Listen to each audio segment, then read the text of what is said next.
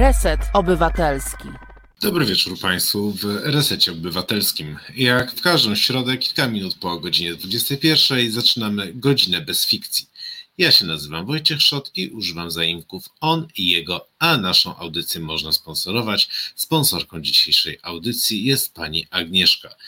Każdy z Państwa może zostać producentem bądź producentką naszego programu, wpłacając na reset obywatelski w serwisie zrzutka.pl 100 zł. Twoje nazwisko czy pseudonim znajdzie się na specjalnej grafice na początku i na końcu losowo wybranego programu emitowanego przez Reset Obywatelski. Jeśli ustawisz 100 zł jako wpłatę cykliczną, będziesz producentem bądź producentką jednego programu miesięcznie. Zapraszamy do serwisu zrzutka.pl. Dzięki Waszemu wsparciu będziemy mogli przygotować dla Was jeszcze lepsze programy. A teraz zaczynamy 24. już godzinę bez fikcji w resecie obywatelskim, 24. Zatem oznacza to, że spędziłem z Państwem i naszymi gośćmi oraz gościniami już cały dzień.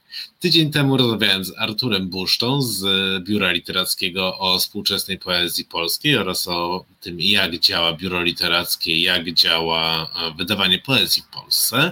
Zachęcam Państwa do wysłuchania naszej rozmowy. Jest to o tyle łatwiejsze, że wszystkie odcinki znajdziecie na Spotify, dajcie suba oraz oczywiście jesteśmy na YouTubie. Zapraszam na nasz kanał Reset Obywatelski. A dzisiaj Państwa i moją gościnią w godzinie bez fikcji jest dziennikarka Gazety Wyborczej, specjalizująca się, jak to u nas się mówi, w tematach wschodnich. E, Wiktoria Bielaszyn. Zapraszam. Dzień dobry. Dzień dobry poznaliśmy e, Twoje teksty, szeroka publiczność poznała Twoje teksty najbardziej w zeszłym roku e, przy okazji wydarzeń e, na Białorusi, które korespondowałaś na żywo. To był Twój pierwszy pobyt na Białorusi, czy który już? Nie, ja byłam na Białorusi wcześniej kilka razy, między innymi mm, mój ostatni pobyt przed tym dłuższym, który trwał miesiąc w zeszłym roku, to był krótki pobyt przy okazji wywiadu ze Swietłaną Aleksiejewicz, laureatką Nagrody Nobla. Um, i pamiętam, że to było dokładnie rok przed tymi wydarzeniami, które miałam okazję obserwować e, w sierpniu, we wrześniu ubiegłego roku, e, że Swietłana Aleksiejewicz wtedy powiedziała, że musi się jeszcze bardzo dużo zmienić, musi jeszcze wiele wody upłynąć, e, zanim białoruskie społeczeństwo się przebudzi i cokolwiek w kraju się zmieni. Więc mm, to jest ciekawe, bo, bo upłynął zaledwie rok i jak mogliśmy obserwować, jak widzimy, całkiem sporo się zmieniło i białoruskie społeczeństwo w przyspieszonym tempie e, dojrzało. Po czym e, rozpoznać to, że ono dojrzało? E, no chyba przede wszystkim po tym, co mieliśmy okazję obserwować, po tym, co się dzieje teraz, po tym, że Białorusini po 26 latach takiego znoszenia znoszenia właściwie, bo trudno inaczej mi to określić, e, rządów Aleksandra Łukaszenki, zdobyli się na to, żeby powiedzieć nie. Zdobyli się na to, żeby powiedzieć starczy, my już tego nie chcemy. My chcemy czegoś innego, mało tego. My wiemy właściwie, jak to coś inne ma wyglądać. To nie jest tylko chęć zmiany, to jest chęć uzyskania tej wolności, jakiejś swobody, godności, podkreślają Białorusini, z których Aleksander Łukaszenka ich odarł, których ich pozbawił na przestrzeni tych wszystkich lat e, swoich rządów. Bo już dorosło, pokole, już dorosło pokolenie, które no nie zna właściwie żadnej innej władzy. No tak, bo Aleksander Łukaszenka teraz sprawuje władzę 27 rok już w tym momencie. To jest, to są dwa pokolenia, tak? Jeżeli dobrze mm. liczę właściwie. E, prawie trzy, jeżeli przyjmiemy, że pokolenie jest 10 lat. Więc w tym momencie, kiedy na Białorusi w dorosłe życie wchodzą ludzie, którzy, e, którzy rodzili się w tym czasie, kiedy, kiedy on obejmował urząd prezydenta, no to, to jest dziwne, kiedy rozmawiam ze swoimi rówieśnikami. Ja mam 27 lat i pamiętam wielu prezydentów w Polsce, no ale nie pamiętam nikogo innego na Białorusi, nie pamiętam też nikogo innego w Rosji niż Władimir Putin tam akurat.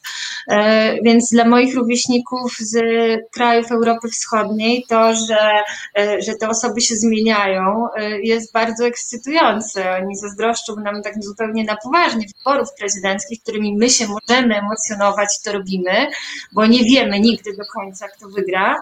E, natomiast tam jakby wynik jest z góry przesądzony. Pytanie tylko, z, jaką, z jakim poparciem, tak, w cudzysłowie, e, wygra dany kandydat, jaką liczbę narysują, jak to mówią e, i Rosjanie, i Białorusini. Jak się rysuje te liczby? Jak do tego dochodzi? Czy to są takie e, fałszerstwa e, bardzo, bardzo wprost, że, bo właściwie wszyscy wiedzą, tak, że e, wynik jest z góry ustawiony. A, więc pytanie, czy przez te kolejne lata władza musiała trochę bardziej jednak manewrować, e, jakoś meandrować w tym, żeby no, nie oszukiwać tak wprost, czy to już w ogóle nikt się niczym nie przejmuje? Na Białorusi, jeżeli chodzi o fałszowanie wyborów, to, to jest bardzo wprost już w tym momencie. E, ja nawet przy okazji może będę się odnosić do tych ostatnich, bo widziałam je na żywo. E, mhm. E, w momencie, kiedy próbowaliśmy jako dziennikarze, czy wejść do środka, do lokalu wyborczego, co w innych krajach jest możliwe, e, byliśmy zastraszani przez milicję, bo na Białorusi w dalszym ciągu jest milicja, e, która prosiła nas o opuszczenie lokalu, o opuszczenie terytorium szkoły. Mm, rozmawiałam z niezależnymi obserwatorami wyborów, bo na Białorusi istnieją właśnie tacy zapaleńcy, którzy, którzy podejmują się tego trudnego i niemożliwego do wykonania zadania, żeby jednak spróbować te wybory obserwować i nie dopuścić do tego, żeby one były już w taki naprawdę bezczelny sposób fałszowane. Tylko, że te osoby również, mimo że e, prawo stanowi inaczej i zgodnie z literą prawa one powinny móc wejść na terytorium danego lokalu tego, e, te osoby nie były wpuszczane do środka, e, musiały obserwować na przykład to, co się dzieje w pomieszczeniu przez okno. I też często nawet e, w takich sytuacjach były wypraszane, a czasami wręcz nawet zatrzymywane i aresztowane. Więc powiedzmy, nawet jeżeli miały możliwość przepytania osób, które wychodziły ze szkoły, chociaż wiadomo, że to nie w taki sposób powinna ta obserwacja wyborów wyglądać. Nawet jeżeli miały możliwość odpytania, powiedzmy, kto na kogo oddał jaki głos i mniej więcej oszacować, e, który kandydat wysuwa się w danym lokalu wyborczym na prowadzenie, to i tak te protokoły, które pod koniec dnia, już na koniec głosowania wywieszała komisja wyborcza, one zupełnie się nie zgadzały z tymi powiedzmy no, przybliżonymi e, wynikami, prognozami, które, które ci wolontariusze i, i obserwatorzy sobie tam naszkicowali i powiedzmy mogli się na nie powołać.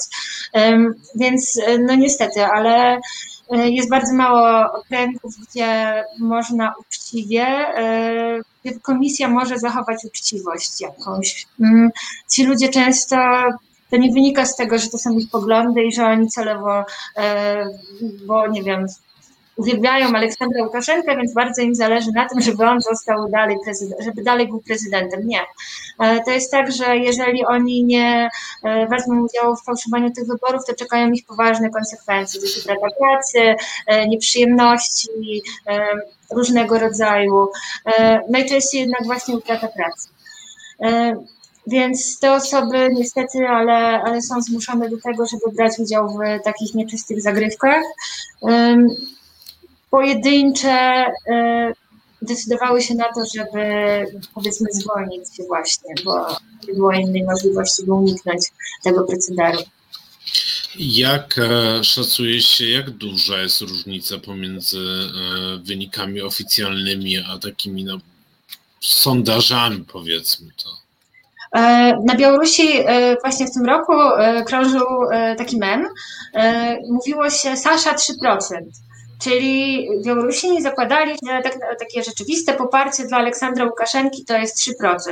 E, no to, to jest oczywiście przesada. To, to nie jest tak, że rzeczywiście tylko 3% obywateli e, popiera e, Łukaszenkę.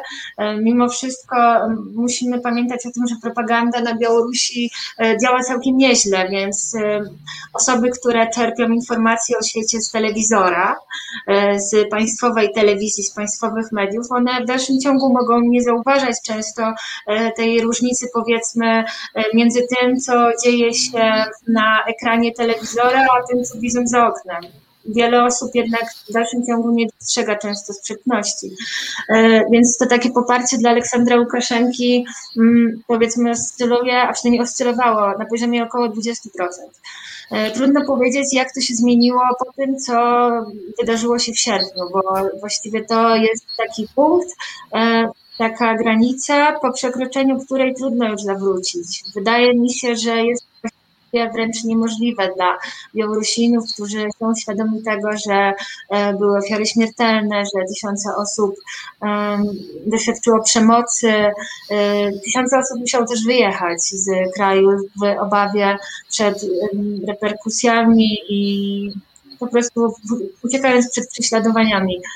E, więc trudno ocenić, jak to poparcie rzeczywiście wygląda teraz, biorąc pod uwagę tym bardziej fakt, że na Białorusi nie ma niezależnych instytucji, w ogóle nie ma socjologii, tam nie są przeprowadzane sondaże. E, można tylko twierdzić, e, jakie są nastroje w społeczeństwie po tym, co mówią ludzie, po tym, co mówią politolodzy. E, no ale to poparcie rzeczywiście spada.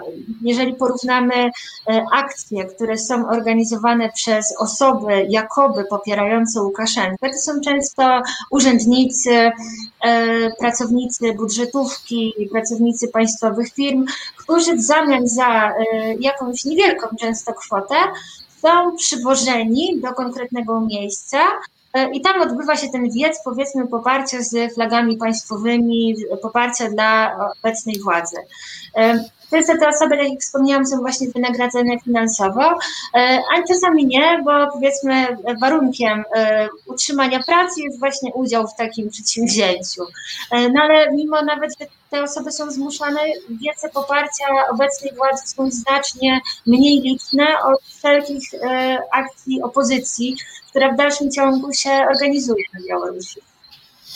Powiedziałaś e, o memie, który e, krąży. Jak było zaradzić sobie właśnie z tym, że no jednak może, można robić europejską wersję Korei Północnej, ale jednak e, istnieje internet i istnieje jakaś strefa wolności.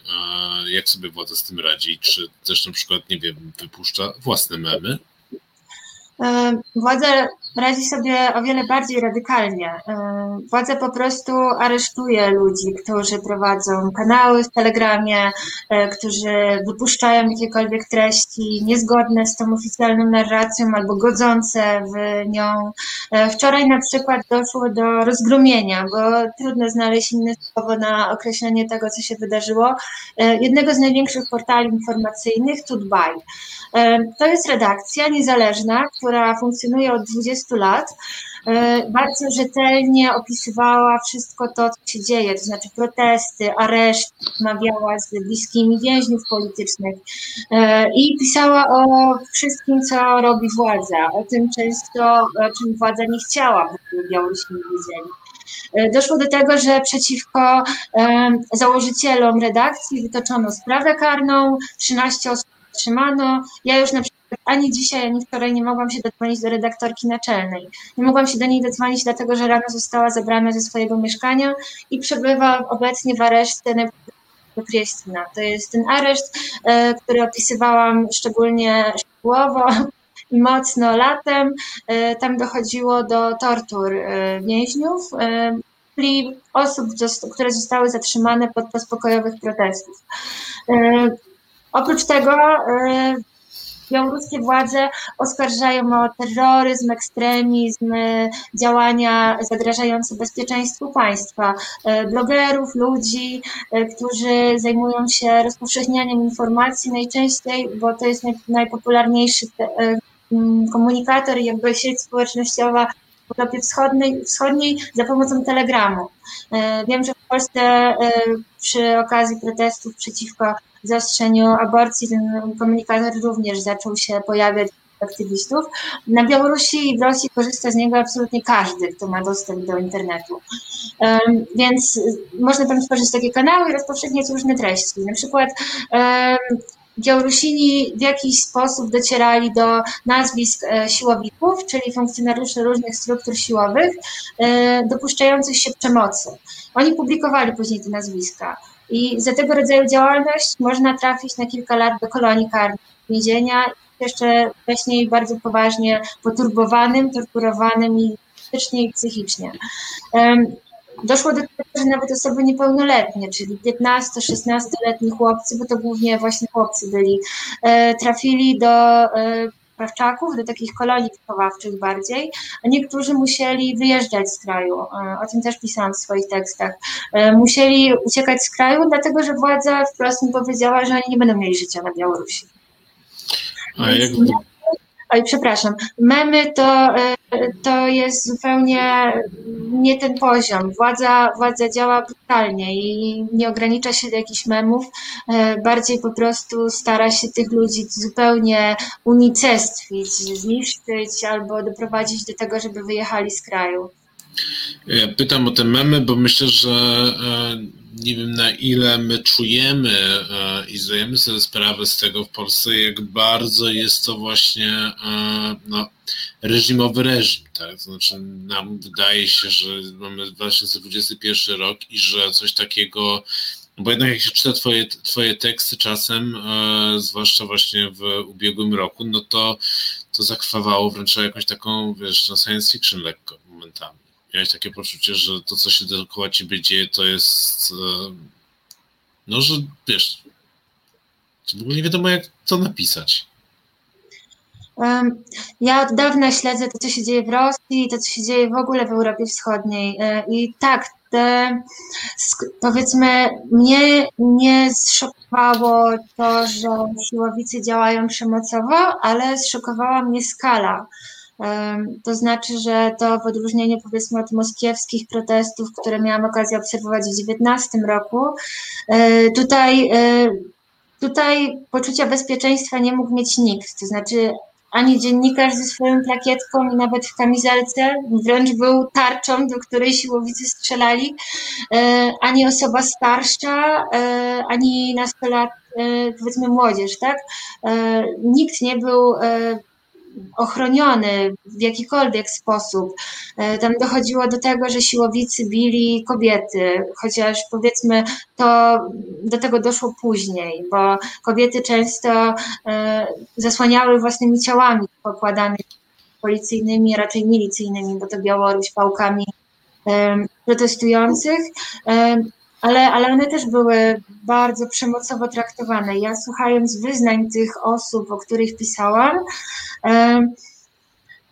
to nie było dla mnie coś nowego, bo z jednej strony wiem, co się działo i dzieje podczas e, różnego rodzaju protestów przeciwko władzy, czy, czy przeciwko dyktaturze, czy, czy przeciwko autokracji, ale z drugiej strony to było tak przerażające, że, e, że człowiek jest w stanie dzisiaj w Europie, w prawie centrum Europy właściwie, dokonać e, tak brutalnych czynów, zupełnie niepotrzebnych, bo Białorusini nie mieli broni ani przez moment. Na przykład w odróżnieniu od tego, co się działo w Ukrainie e, w 2014 roku i wcześniej, później, Białorusini byli zupełnie bezbronni.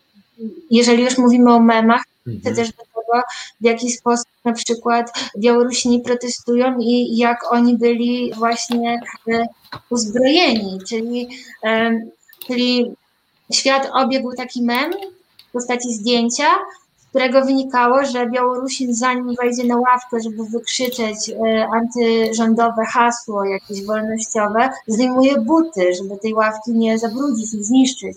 A tutaj na tych ludzi, którzy byli przekonani o tym, że służby e, siłowe służą do tego, żeby im zabezpieczyć właśnie ochronę, bezpieczeństwo, że to są ludzie, którzy mają ich chronić jako obywateli. Ci ludzie zaczęli ich zabijać. nawet nie tylko bić, ale właśnie zabijać. Wiemy o co najmniej o 10 ofiarach śmiertelnych, a, a prawdopodobnie było ich więcej, bo zgonów w czasie było, było wie, o wiele więcej. Więc to było takie niepojęte, bo wyraźnie widać było, że ludzie zupełnie nie byli na to przygotowani, że, że oni się zderzą z taką przemocą i oni zupełnie nie wiedzieli, jak się w tym wszystkim odnaleźć. Te białoruskie akcje były bardzo chaotyczne.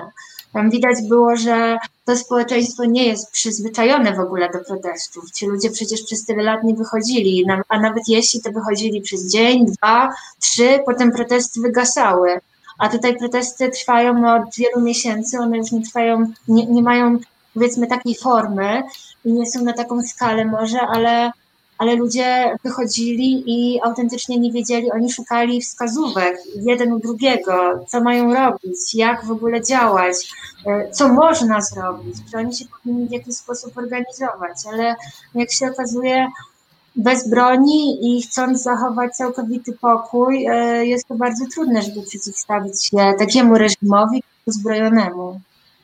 A jak wygląda, powiedzmy zwłaszcza dla tych co, z Państwa, którzy nie śledzą tego na co dzień, jak w ogóle wygląda kwestia opozycji i właśnie jej organizacji? No bo jak mówisz, że społeczeństwo nie potrafi protestować, jakby, że nie zna tej formy tak naprawdę i, i to jest cały czas e, takie e, no, budowa w procesie tego, no, a kimś, kto powinien dowodzić takim protestem, jednak jest e, opozycja. Wiem, że ona jest rozbijana, jakby tak i e, kłócona, skłócona na pewno i tak dalej, ale e, jak wygląda w tej chwili kwestia opozycji na Białorusi? No, no właśnie białoruska opozycja nie jest skłócona, bo tam nie ma przestrzeni do tego, żeby się kłócić. To jest mniej więcej tak samo jak w Rosji. Ci ludzie nie mają okazji, żeby pokłócić się tak jak to na przykład w Polsce możemy obserwować o podatki, czy powinien być progresywny, czy może nieprogresywny, e, czy nie wiem, o edukację, czy to klimat, e, czy o religię. Tam nie ma takiej przestrzeni, dlatego że opozycja nie ma mocy sprawczej.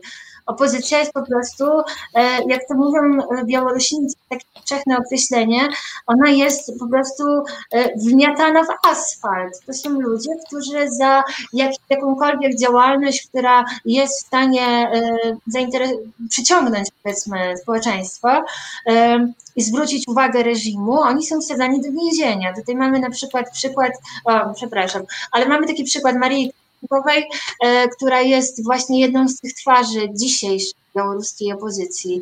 E, Maria Kalesnikowa trafiła do więzienia, w którym siedzi już od 9 miesięcy, bo nie chciała e, dopuścić do tego, żeby ją deportowano przymusowo z kraju. Więc, bo do tej pory właśnie tak Łukaszenka sobie radził z opozycją. Tam nikogo nie dziwiło to, że w dniu wyborów nagle inni kandydaci trafiali do aresztu, bo rzekomo albo uchylali się od płacenia podatków, albo jakieś inne przekręty władza im udowadniała. E, przy okazji tej ostatniej kampanii najmocniejsi, jakby mogłoby się wydawać, kandydaci, czyli Siergiej Tichanowski, mąż dzisiejszej liderki białoruskiej opozycji Swietłany, Wiktor Babaryka, który był najpoważniejszym konkurentem e, Aleksandra Łukaszenki.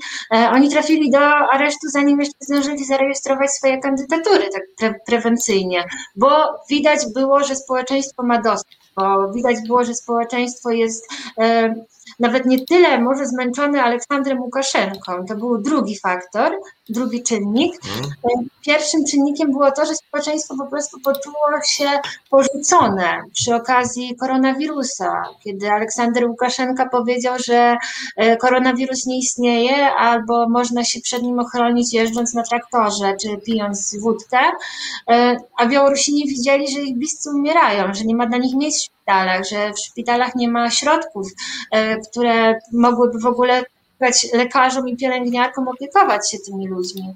E, I to był taki pierwszy czynnik, który sprawił, że Białorusini poczuli się zawiedzeni, to znaczy, że mieli poczucie, że państwo naruszyło jakąś umowę, która jednak obowiązuje, nawet w państwie takim jak Białoruś, między władzą a społeczeństwem.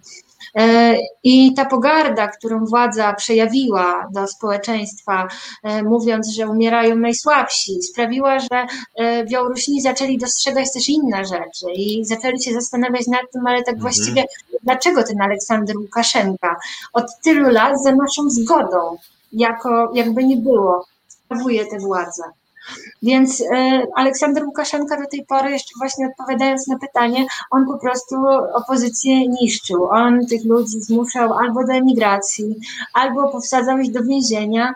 E, wiele osób też zmarło w niewyjaśnionych okolicznościach. Więc e, jeżeli chodzi o opozycję taką z krwi i kości, która miałaby jakikolwiek status, sprawczość, elektorat, stały, powiedzmy, bo opierający się na poglądach i głosujący na kogoś zgodnie ze swoimi poglądami, tam nie ma czegoś takiego, bo nie było szans, żeby Białorusini mogli w ogóle wykształcić takie struktury.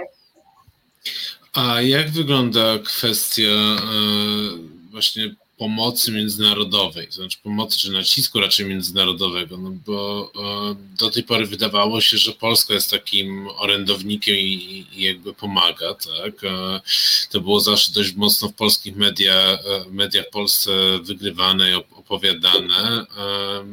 Mam wrażenie, że w ostatnich miesiącach jakby mm, jakoś tak nie za bardzo mam jakieś wielkie poczucie, żeby wła nasze władze e, jakoś szczególnie aktywnie w ten sposób w tej kwestii działały. Tak, ja tego nie widzę. Może to jest kwestia tego, że po prostu nie widzę wielu newsów, ty wiesz lepiej.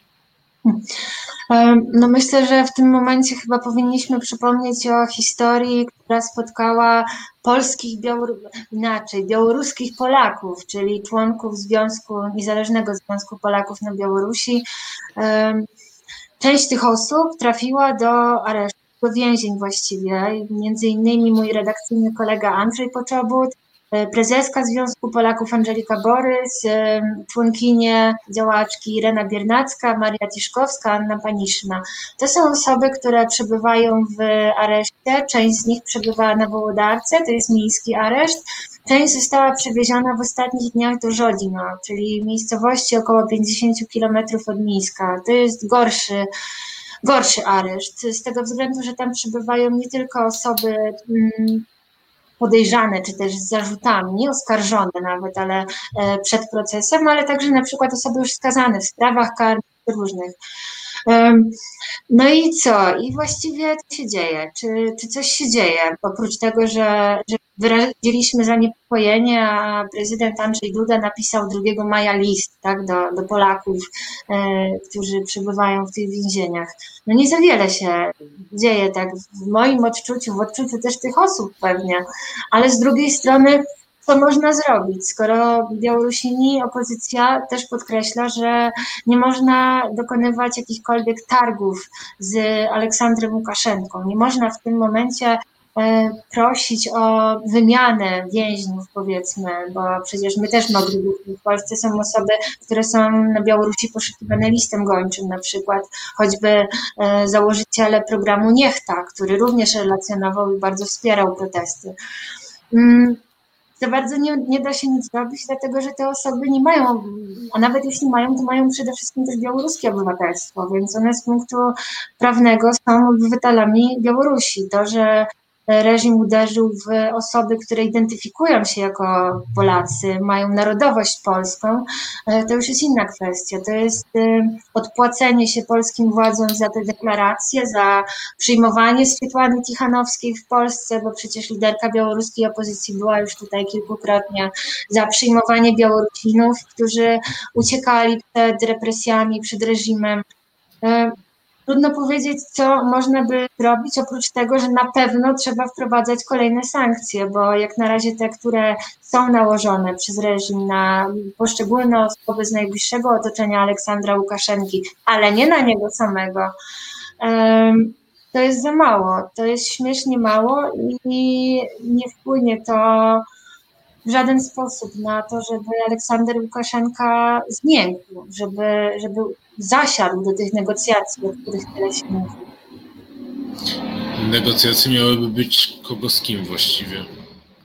E, białoruska opozycja od początku mówiła, a jeżeli mówimy o białoruskiej opozycji, to trzeba powiedzieć najpierw to jest właśnie, to jest e, Rada Koordynacyjna, Niezależna Rada Koordynacyjna. W skład tej rady wchodzi wiele osób, ale między innymi Tichanowska, Swietłana Aleksiewicz, e, Paweł Łatuszka, czyli były minister kultury, e, Maria Kaliśnikowa, przybywająca obecnie w areszcie, Wiktor Babaryka i wiele innych właśnie osób, o których już dzisiaj zdążyliśmy powiedzieć trochę. I na początku zarówno Świetlana Tichanowska, jak i Maria Kaliesnikowa, z którymi rozmawiałam w Mińsku, e, mówiły, że one chcą doprowadzić do tego, żeby rzeczywiście ten taki okrągły stół, na wzór tego, co działo się w Polsce jeszcze całkiem nie tak dawno, e, że one by chciały, żeby na Białorusi również e, doszło do tego rodzaju bezkrwawych negocjacji, czyli bezkrwawego przejęcia władzy. Na tym zależy opozycji. Problem polega na tym, że Aleksander Łukaszenka wcale się jednak nie kwapi do tego, żeby do tego stołu zasiąść, a po tym wszystkim, co się wydarzyło, ja odnoszę wrażenie, że też białoruska opozycja nie widzi już chyba za bardzo możliwości, żeby z nim konkretnie przy tym stole siedzieć. E, ale Białorusini, e, czyli innymi doradca Swietłany Tichanowskiej, Franek Wieczorka, podkreśla, że jeżeli dojdzie do tych rozmów, bo oni bardzo mają nadzieję, że do nich rzeczywiście w najbliższym czasie, w tym roku dojdzie, E, będą rozmawiać nie tylko z e, Aleksandrem Łukaszenką, co z kolektywnym Łukaszenką, czyli z ludźmi, którzy są, e, którzy tworzą jego reżim, tak? czyli z najbliższym otoczeniem, ludźmi, od których wiele zależy. Nie wiem, na ile to jest prawda, na ile to są słowa opozycji, która przecież też jej zależy na tym, żeby ludzie nie tracili ducha i nie poddali się. Nie wiem, na ile to jest prawda, ale podobno w tym reżimie są już osoby, które byłyby gotowe, żeby do tego stołu negocjacyjnego usiąść. E, pytanie tylko, co musi się jeszcze zdarzyć, ile, ile ofiar będzie to kosztowało, żeby rzeczywiście reżim ostał na tyle, mm, żeby może Kreml zajął jakąś inną pozycję niż zajmuje do tej pory i żeby do takich negocjacji prowadzących do kolejnych wyborów, wolnych już tym razem niezależnych doszło. E, zobaczyłem właśnie, ile lat ma Łukaszenko, bo tak właściwie mm, jest to dla mnie taki człowiek bez wieku trochę. Znaczy, mnie jakoś to szczególnie nie kręciło sprawdzenie, ile lat ma Łukaszenka, ale sprawdziłem właśnie ma 66 lat. To znaczy, że wcale nie jest takim starym archontem na, na, na tronie, tylko jeszcze jest, zwłaszcza patrząc na to, ile lat mają przywódcy wielu krajów europejskich, im mniej demokratyczne, tym są starsi przeważnie, jakoś się okazuje to, to jakby jeszcze długie lata przed nim mogą być. Mm, Są no potrzeby.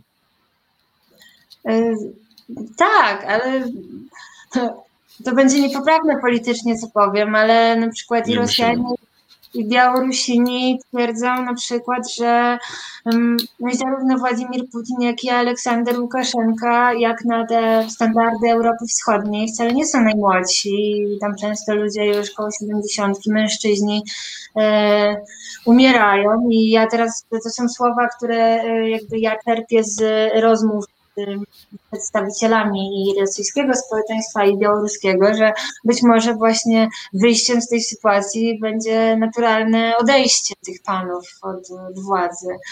No ale to są oczywiście takie no nie wiem jak to ująć, nadzieję, to jest takie wyjście, które niekoniecznie może się w najbliższym czasie zadziać. E, ciekawi mnie, jak po raz pierwszy pojechałeś do Białorusi, właściwie powiedzmy jeszcze jak językowo, bo mieliśmy ostatnio um, taką internetową dyskusję, czyli tak zwaną INBE, um, która oczywiście do niczego jak zawsze nie doprowadziła jakoś szczególnie, ale kilka osób się nauczyło może, żebyśmy mówili w Ukrainie, a nie na Ukrainie. A to właśnie w Białorusi, na Białorusi Teraz e, ja się narażę. E, no, w, w, Ukrainie, tak, w Ukrainie, dlatego że rusycyzm, e, rusycyzm narzuca nam również tę formę, która w Polsce jest i na Ukrainie. Podczas gdy Rosjanie w przypadku wszystkich innych krajów właściwie prawie mówią wy. Więc tutaj to jest dla mnie zrozumiałe i ja to czuję język że żeby zademonstrować swoją, swoją mm, pozycję, tak? swój pogląd na konflikt, na wojnę rosyjsko-ukraińską, mówimy w Ukrainie. Ja też się tego nauczyłam, tym już w ogóle zupełnie naturalnie przychodzi. Natomiast Tutaj nie ma analogii z Białorusią. Ja na przykład mówię, chociaż też jestem często poprawiana, e, na Białorusi. Tak jak się mówiło do tej pory, e, dlatego że to nie jest odcięcie się od rusycyzmu. Rosjanie, Rosjanie mówią w Białorusi, czyli wy. Więc to nie jest taka sama sytuacja jak w przypadku z Ukrainą. E, no i gdyby, gdyby traktować każdy przypadek ten sam sposób co Ukrainę, e, to mówilibyśmy też w Węgrzech, w Słowacji, w Litwie, więc to nie są dla mnie takie same rzeczy. E, na Białorusi i to jest zupełnie neutralne w moim odczuciu, ale w Ukrainie. Wiem, że część osób rzeczywiście używa tej formy w Białorusi, bo, bo uważają, że w ten sposób podkreślają niezależność Białorusi. Tylko od czego? skoro Rosjanie też mówią w Białorusi, to jest, to jest zupełnie naturalne dla nich. Ale myślę, że chyba w takiej sytuacji obie formy powinny być dozwolone, e, tylko ta forma na Białorusi nie powinna być odbierana jako próba pokazania, że uważa się, nie wiem, że Aleksander Łukaszenka powinien dalej sprawować władzę, a Białoruś powinna się zintegrować z Rosją. Nie. To jest forma w moim odczuciu zupełnie uciekł dźwięk e, na końcu zdania, które Wiktoria Bieliaszyn e, mówiła, ale mam nadzieję, że się cały czas słyszymy, a teraz e, chwila przerwy na naszą planszę z wspaniałymi programami Resetu Obywatelskiego i w drugiej części programu porozmawiamy trochę mniej o polityce, a trochę więcej o przestrzeni w białoruskim świecie. Słuchasz Resetu Obywatelskiego. Reset Obywatelski działa dzięki Twojemu wsparciu. Znajdź nas na zrzutka.pl. Witam po przerwie w godzinie bez fikcji w resecie obywatelskim. Państwa i moją gościem jest Wiktoria Bieliaszyn. Rozmawiamy o Białorusi. Mm, chciałem Cię zapytać właśnie, pytając o to, czy mówimy na, czy w Białorusi. Chciałem się zapytać o tą pierwszą Twoją wizytę tam e, i to, co zostałaś na miejscu. Bo w momencie, kiedy wyobrażamy sobie taki kraj, większość z Państwa nas słuchających i oglądających pewnie e, nie była w Białorusi. E, wyobrażamy sobie taki kraj, który jest jak, trochę tak jak Korea Północna w, w Europie, no to sobie wyobrażamy tak możemy sobie wyobrazić na przykład, nie wiem, jakieś takie szczególne zacofanie technologiczne, albo nie wiem, właśnie to, co mówisz, um, mówisz o telegramie, nie wiem, że tam nie ma iPhone'ów na przykład. No właśnie, pytanie, czy są iPhony. Eee, jakby możemy sobie coś takiego wyobrazić, tak? No bo dla nas Białoruś jednak, e, e, okej, okay, dostajemy ją z tekstów e, opowieści dziennikarzy, dziennikarek, czytamy w mediach, trochę oglądamy, ale tak e, no dalej wydaje nam się, że to jest taka no jednak silna granica. Większość z naszych słuchaczy no, po prostu tam nie pojechała. A na przykład mogę się dowiedzieć z mediów i to wystarczy sobie kliknąć, że na przykład o, w, w Mińsku e, w, we wrześniu 2020 roku bodajże e, otwarto cztery nowe stacje trzeciej linii metra. Więc jak to jest? Myślę, że każdy Polak, który, czy mieszkaniec Warszawy, który pojedzie do Mińska, e, będzie zaskoczony tym, jak jest tam porządnie i czysto. Jak zadbane są rabatki, klomby miejskie, jak czyste są budynki, które nie są obsmarowane żadnymi e, napisami e, i innymi rzeczami, które, które nie powinny się na nich może znaleźć. Białorusini, taka propos, którzy przyjechali do Polski z, z powodu prześladowań i zostali tutaj, narzekają, znaczy narzekają, zauważają to, jak u nas jest brudno. To znaczy oni mówią, że, że no, podobna jest ta Polska do Białorusi, bo architektura taka socjalistyczna też jest nam przecież nie obca, no ale jak tutaj jest nieporządnie, Polacy są nieporządni. Jak, jak nie wyrzucają śmieci do kosza, tylko gdzieś tam, albo nie sprzątają po psach.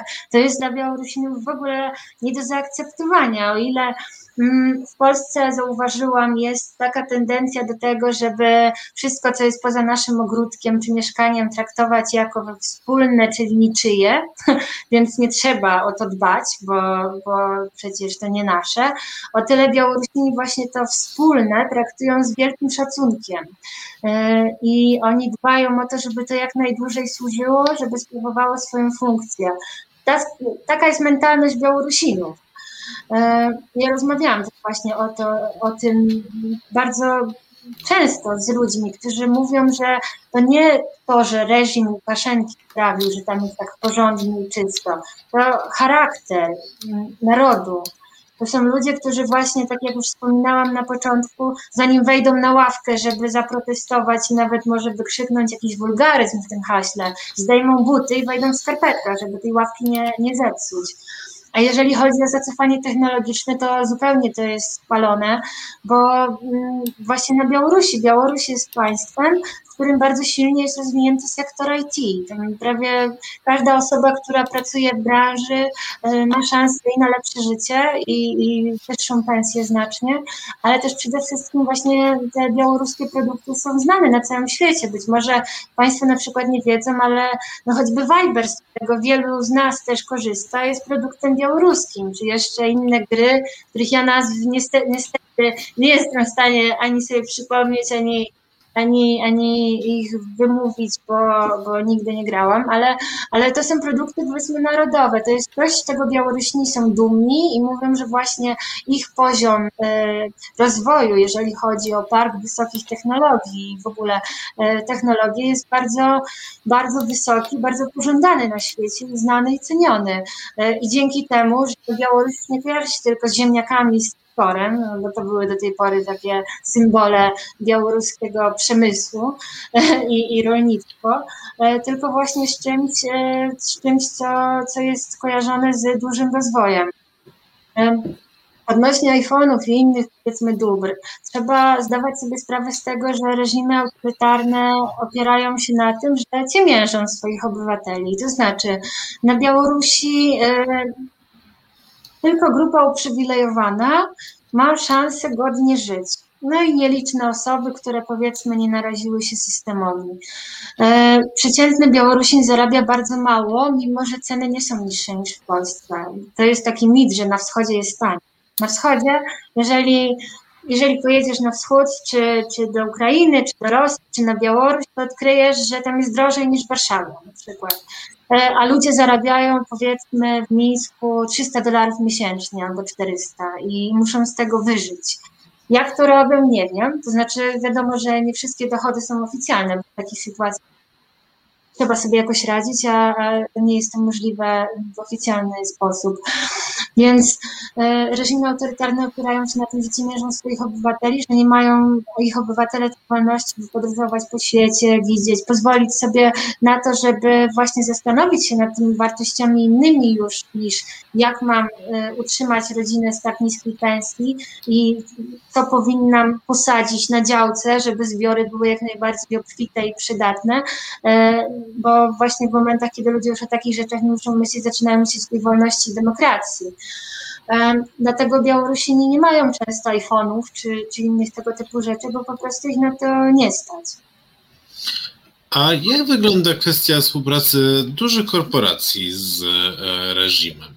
No bo mogę sobie wyobrazić, że duże korporacje, które mają, jak wiemy, bardzo mm, takie no, hasła różnego rodzaju i są bardzo takie progresywne w różnych krajach, w innych krajach, jak na przykład w Polsce, potrafią e, tęczę schować, tak? E, e, I wiemy, że korporacje dealują, potrafią dealować z każdym właściwie. Jak to wygląda na Białorusi?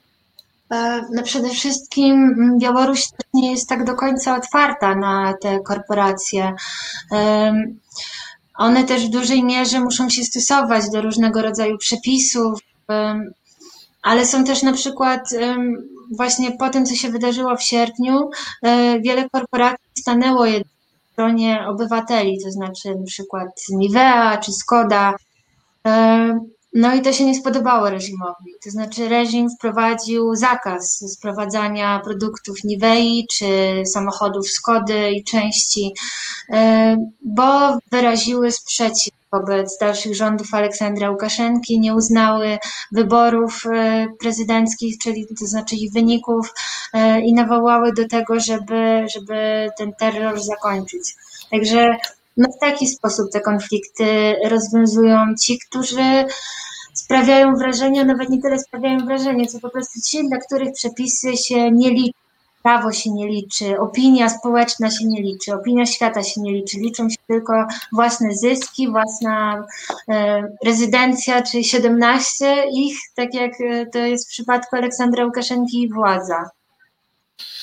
E, właśnie nam słuchacz bądź słuchaczka ukrywająca się osoba pod pseudonimem Bal pisze, napisała, że World of Tanks e, jest e, tak. grą białoruską.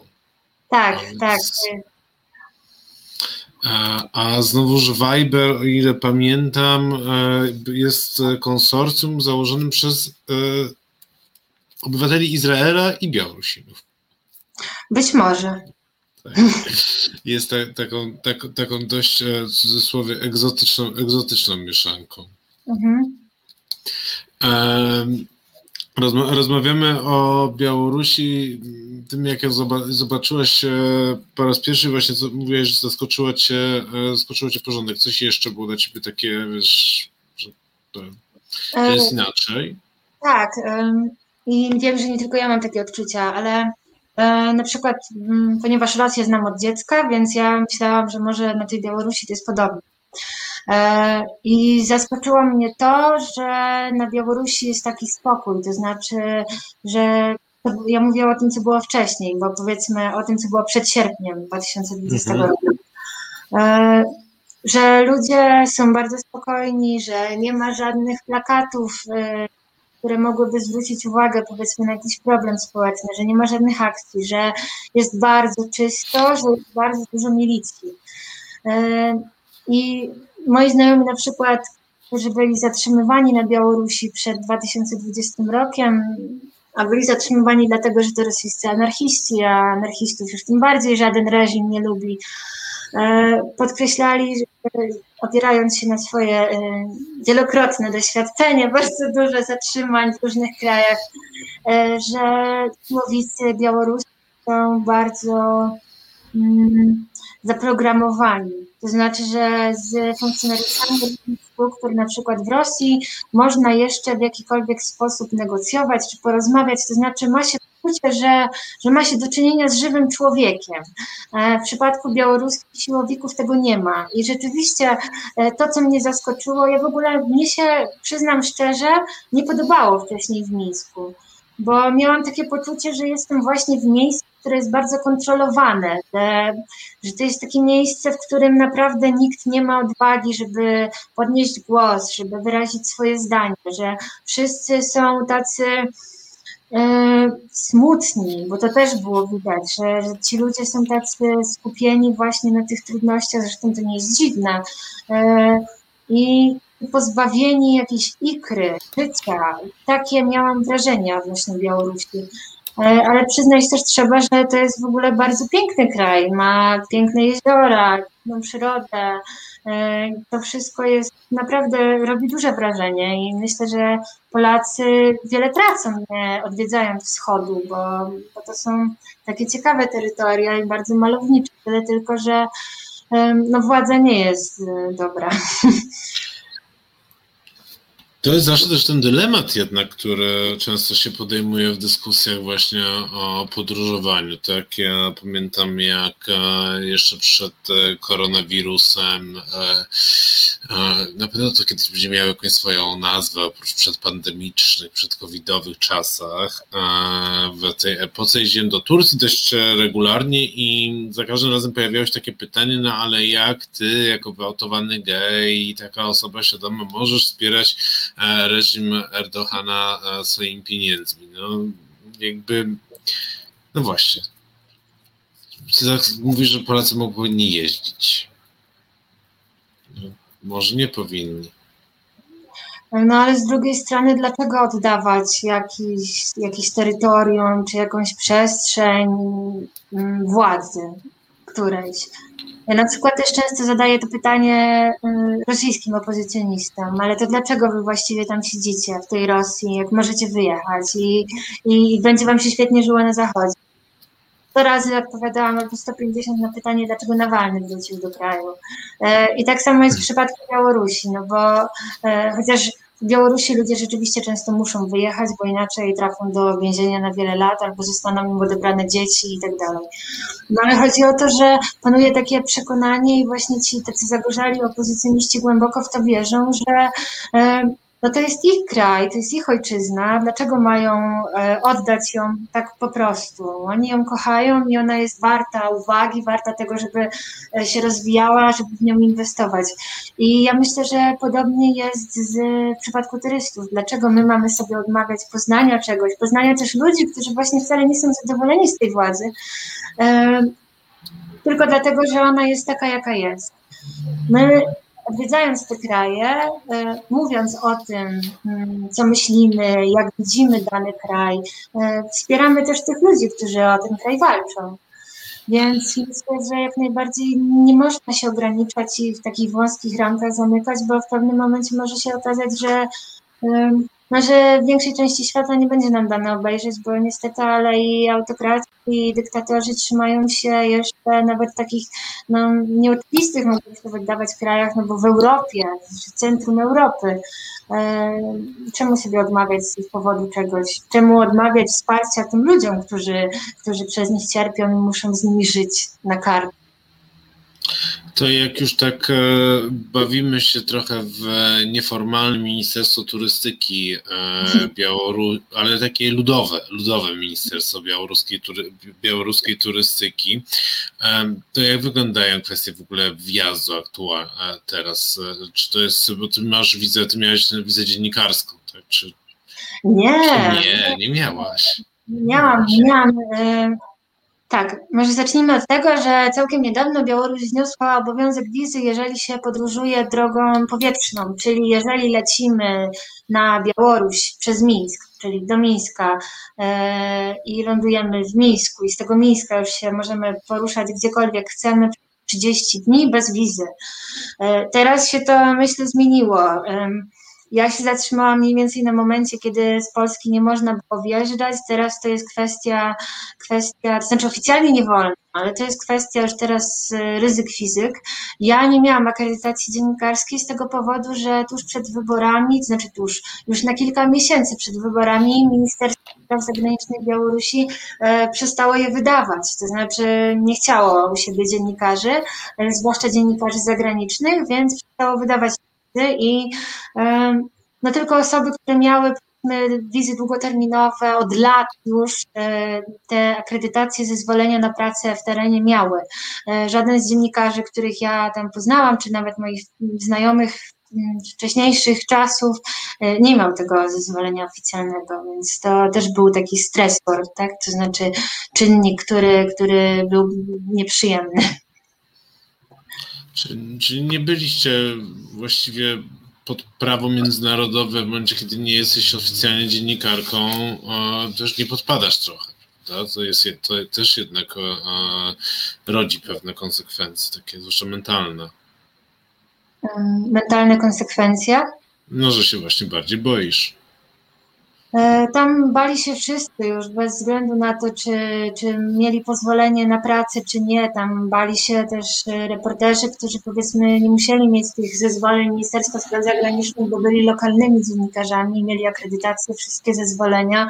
Jak się okazało, my nie byliśmy w odróżnieniu od, innych, od większości innych państw w Europie e, ochraniani tym statusem dziennikarza, e, tylko to sprawiało, że byliśmy jeszcze bardziej narażeni na przemoc, na ataki, na areszty. Więc tak, tutaj jakby w tym przypadku reżim Łukaszenki e, właściwie jako pierwszych chyba chciał wyeliminować dziennikarzy, co zresztą się potwierdziło, bo jesienią wszyscy zagraniczni dziennikarze stracili akredytację.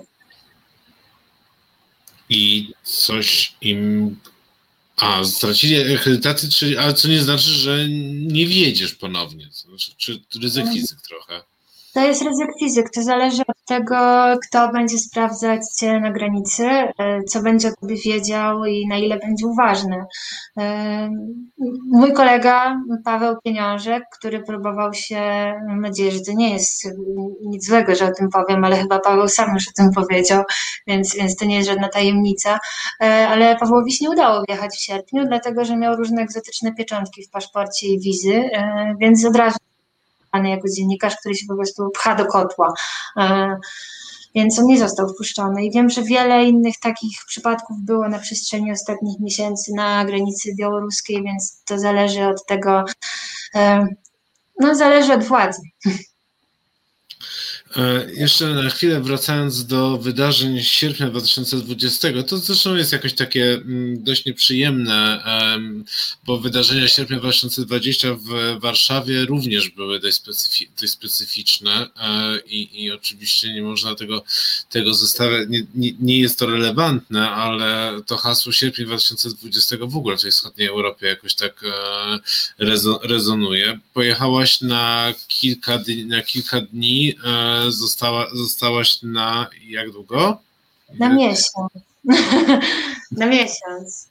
Prawie cały. Y, Pojechaliśmy razem z Jędrkiem Nowickim, y, fotografem, fotoreporterem wyborczej, y, z myślą, że no może tydzień tak już naprawdę w porywach y, pobędziemy. Planowaliśmy, pamiętam, że planowaliśmy przed wyjazdem, że co będziemy robić, testy się skończą, czyli że może pojedziemy pod Mińsk, nad jakieś jezioro i sobie odpoczniemy jeden dzień, dopiero wrócimy do domu. No a potem się okazało, że, że my właściwie tam mamy e, bardzo dużo pracy i bardzo mało czasu, żeby zdążyć z wszystkim, bo cały czas się coś działo e, i te wydarzenia tak bardzo nas ściągnęły, wchłonęły, e, że nie byliśmy w stanie wrócić, no bo w momencie, kiedy dzieje się coś takiego, nie chcesz wracać. Mimo nacisków nawet, które się pojawiały, bo, bo nasi przełożeni się o nas martwili. Też nie byli przygotowani na to, że, że dojdzie do, że to będzie taka skala powiedzmy represji i, i że będzie tak niebezpiecznie. No właśnie, bo najbardziej to nikt się nie spodziewał tego, że, e, że wy będziecie tak bardzo zagrożeni, tak? że, że okej, e, to ten obraz był przewidywalny przez ostatnie lata trochę, jak to będzie wyglądało, bo taka gra trochę, którą wszyscy wiedzieli jak, tro- trochę jak, jak zagrać. A po raz pierwszy E, stało się inaczej. Tak, bo wcześniej rzeczywiście były protesty, kogoś, nie wiem, powiedzmy, pobili, komuś rozbili głowę czy złamali nos, ale to były pojedyncze przypadki. A tutaj e, reżim zobaczył już od samego początku, że społeczeństwo jest tak nastrojone, że nie odpuści i e, ponieważ było to systemowe, bo do takiej sytuacji dochodziło w całym kraju, to nie tak, że tylko powiedzmy w jednym mieście, a w innym było spokojnie. Wszędzie siłowice, czyli OMON, milicja, e, wojsko nawet z czasem pozwalali sobie na bezsensową brutalność. To znaczy, ja rozmawiałam na przykład z e, Alesiem Bielickim, to jest dyrektor Centrum Ochrony Praw Człowieka Wiesna, nieuznawanym na Białorusi, ale funkcjonującym, który powiedział, że tego rodzaju terroru i represji nie było od czasów stalinowskich, od czasów II wojny światowej, przepraszam, w, w, e, w Białorusi. Więc e, no tak, nikt się nie spodziewał, że, że OMON będzie strzelał w stronę ludzi bezbronnych, że, że będzie rzucał granaty, że później w tych oddziałach na komendach resztach będzie dochodziło do, do gwałtu, do, do bicia, do innego rodzaju tortur jeszcze. E, I to stało się taką, może i paradoksalnie, siłą napędową dla ludzi, bo jakby to tak uderzyło Białorusinów, że oni jeszcze bardziej, jeszcze tłumniej wyszli na ulicę, bo byli przerażeni tym, co się dzieje. Przerażeni i źli, to znaczy wtedy ludzi ogarnęła furia, że jak to możliwe, żeby, y, żeby zabijać swój naród. Złość e, taka e, no, delikatnie mówiąc, złość, tak? mamy na to jeszcze inne określenia, one są wulgarne w Polsce. Zło, złość, która powoduje, że naród może jakoś postać, czy chociaż się też zintegrować i, zoba i zobaczyć jednak możli możliwą przyszłość. Mi się wydaje, że to jest też taki moment, kiedy um, i też w tych wszystkich artykułach, materiałach prasowych, które się wtedy pojawiały, że chyba po raz pierwszy gdzieś tam się pojawiło bo już wcześniej się pojawiło trochę światełko w tunelu, ale teraz się pojawiło takie, że jest to społeczeństwo. Bo wcześniej byśmy nie mieli tego, jakby chyba tak mi się wydaje przynajmniej, w odbiorze powszechnym tego istnienia tego społeczeństwa rzeczywiście. Byli jacyś pojedyncze osoby, a po raz pierwszy pojawiło się społeczeństwo. Tak, zdecydowanie. Właśnie Białorusini też w tym mówili, że oni się obudzili że w tym momencie kształtuje się to społeczeństwo, ono się wykształciło, bardzo szybko musiało dorosnąć, tak, w cudzysłowie, bardzo szybko musiało dojrzeć, e, to znaczy bardzo szybko. Niektórzy pewnie się zaśmieją, bo 26 lat mu to zajęło, tak, ale chodzi o to, że w momencie, kiedy jesteś pozbawiany przez tyle lat głosu, to bardzo trudno jest go odzyskać, a, a tutaj się okazało, że tym ludziom się udało właśnie pod wpływem różnych czynników. Pewnie, e, pewnie gdybyśmy zapytali kilka osób, dlaczego wyszły, wyszły na ulicę akurat w tych dniach, dlaczego mimo tego, że narażały się na przemoc, na areszt, na jeszcze gorsze rzeczy, dlaczego się zdecydowały, to podejrzewam, że każda z tych osób mogłaby odpowiedzieć inaczej. Ale mimo wszystko ta jedność, solidarność, to jak ludzie walczyli o siebie, nie znając się przecież często, okazywali sobie pomoc. Ja też wylądowałam pewnego, pewnej nocy podczas protestu w mieszkaniu w ogóle obcych ludzi, którzy, którzy też mnie przechowali, bo akurat wtedy, wtedy on strzelał i wtedy też ta pierwsza ofiara śmiertelna, Aleksander Tarajkowski, e, zginął. Mm, więc e, ludzie po prostu byli gotowi puścić obcych ludzi, e, mając tylko tę świadomość, że to są dobrzy ludzie, bo, bo walczą o to samo. No i tym e, e, trochę optymistycznym Chociaż w dramatycznej historii e, akcentem e, zakończymy dzisiejszą godzinę bez fikcji. Ja e, skubię tutaj z nerwów jakiś, jak słucham historii o Wiktorii Biliaszyn przechowywanej w, przez obcych ludzi w czasie protestów, to jednak tak ja tu skubię od razu nerwowo coś. Zapraszam Państwa i bardzo polecam śledzenie materiałów Wiktorii Biliaszyn w Gazecie Wyborczej w Okopresji, gdzie ty tam się jeszcze, Wiktoria, pojawiasz w polityce również? I tutaj pozdrawiamy wszystkie, wszystkie redakcje, które e, są zainteresowane rzetelnym dziennikarstwem na temat, e, tak zwane na tematy wschodnie i też trochę w innym, innym wymiarze, bo to, co ja lubię w tych twoich relacjach i w tym, co się w ogóle teraz też, e, jak to się publikuje, to jest też pewna zmiana troszeczkę sposobu o tym mówienia takiego no. sposobu mówienia, z którego ja nie byłem już w stanie zdzierżyć o, wschod- o krajach e, wschodnich, na taki, który jest dla mnie rzeczywiście ciekawy i po prostu atrakcyjny nawet wyobrażeniowo. Więc ja bardzo Państwu polecam. E, promuję tutaj e, teksty Wiktorii Bieliaszyn. Słuchajcie, sprawdzajcie. A musimy się pożegnać, więc dziękuję Ci bardzo za rozmowę. Dziękuję bardzo. A Państwa zapraszam za tydzień, środę o godzinie 21 do 25 godziny bez fikcji, e, czyli zaczynamy kolejną dobę razem. Dziękuję Państwu bardzo. Dobrej nocy. Reset Obywatelski. To był program Resetu Obywatelskiego. Subskrybuj nasz kanał na YouTube, obserwuj na Facebooku i Twitterze.